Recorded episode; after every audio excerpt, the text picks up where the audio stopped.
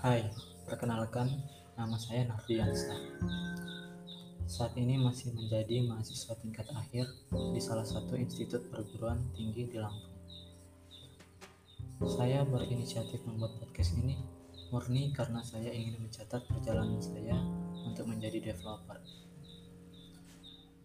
Podcast ini juga terinspirasi dari podcastnya Bang Imre yang judulnya Developer Law.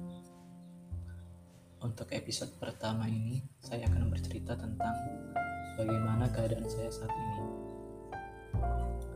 Seperti yang saya bilang, saya adalah mahasiswa tingkat akhir di Institut Perguruan Tinggi di Lampung. Saya cukup bangga bisa melanjutkan kuliah di sini karena saya dapat kesempatan juga untuk belajar dari dosen-dosen ITB. Ya, ITB, salah satu perguruan tinggi paling top di negeri ini. Saya kuliah di program studi teknik informatika.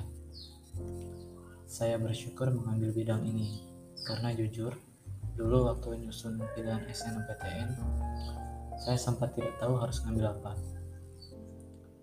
Saya belajar pemrograman aja baru ketika sudah memilih prodi teknik informatika di SNMPTN. Singkatnya, saya menikmati belajar computer science di dunia perkuliahan. Di kuliahan saya hidup layaknya mahasiswa biasa, tidak terlalu ambis dan pernah mengulang di beberapa temanku. Saya juga tidak seperti mahasiswa computer science yang sudah memiliki visi ke depan. Kalau mahasiswa yang memiliki visi ke depan, biasanya mereka sudah sibuk mencari magang meskipun baru di semester-semester awal. Atau mereka sudah mencoba mengerjakan project freelance di sela-sela kesibukan kuliahnya. Ini yang saya sesali. Saya mulai membenahi diri ketika semester ketika berada di semester akhir ini.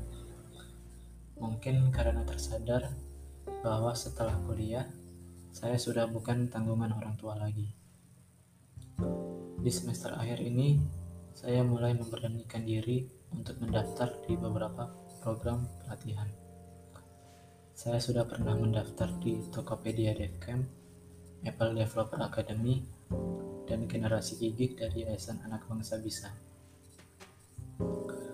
Saya gagal di Tokopedia DevCamp, saya belum mendapat pengumuman dari Apple Developer Academy, dan alhamdulillah saya diterima di generasi gigih.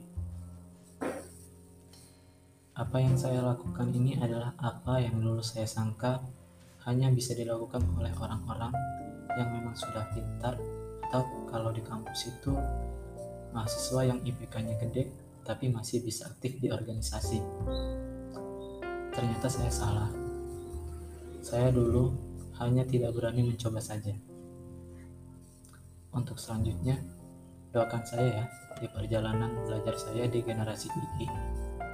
Oh ya, tolong doakan juga hasil yang terbaik bagi saya di pengumuman Apple Developer Academy. Terima kasih.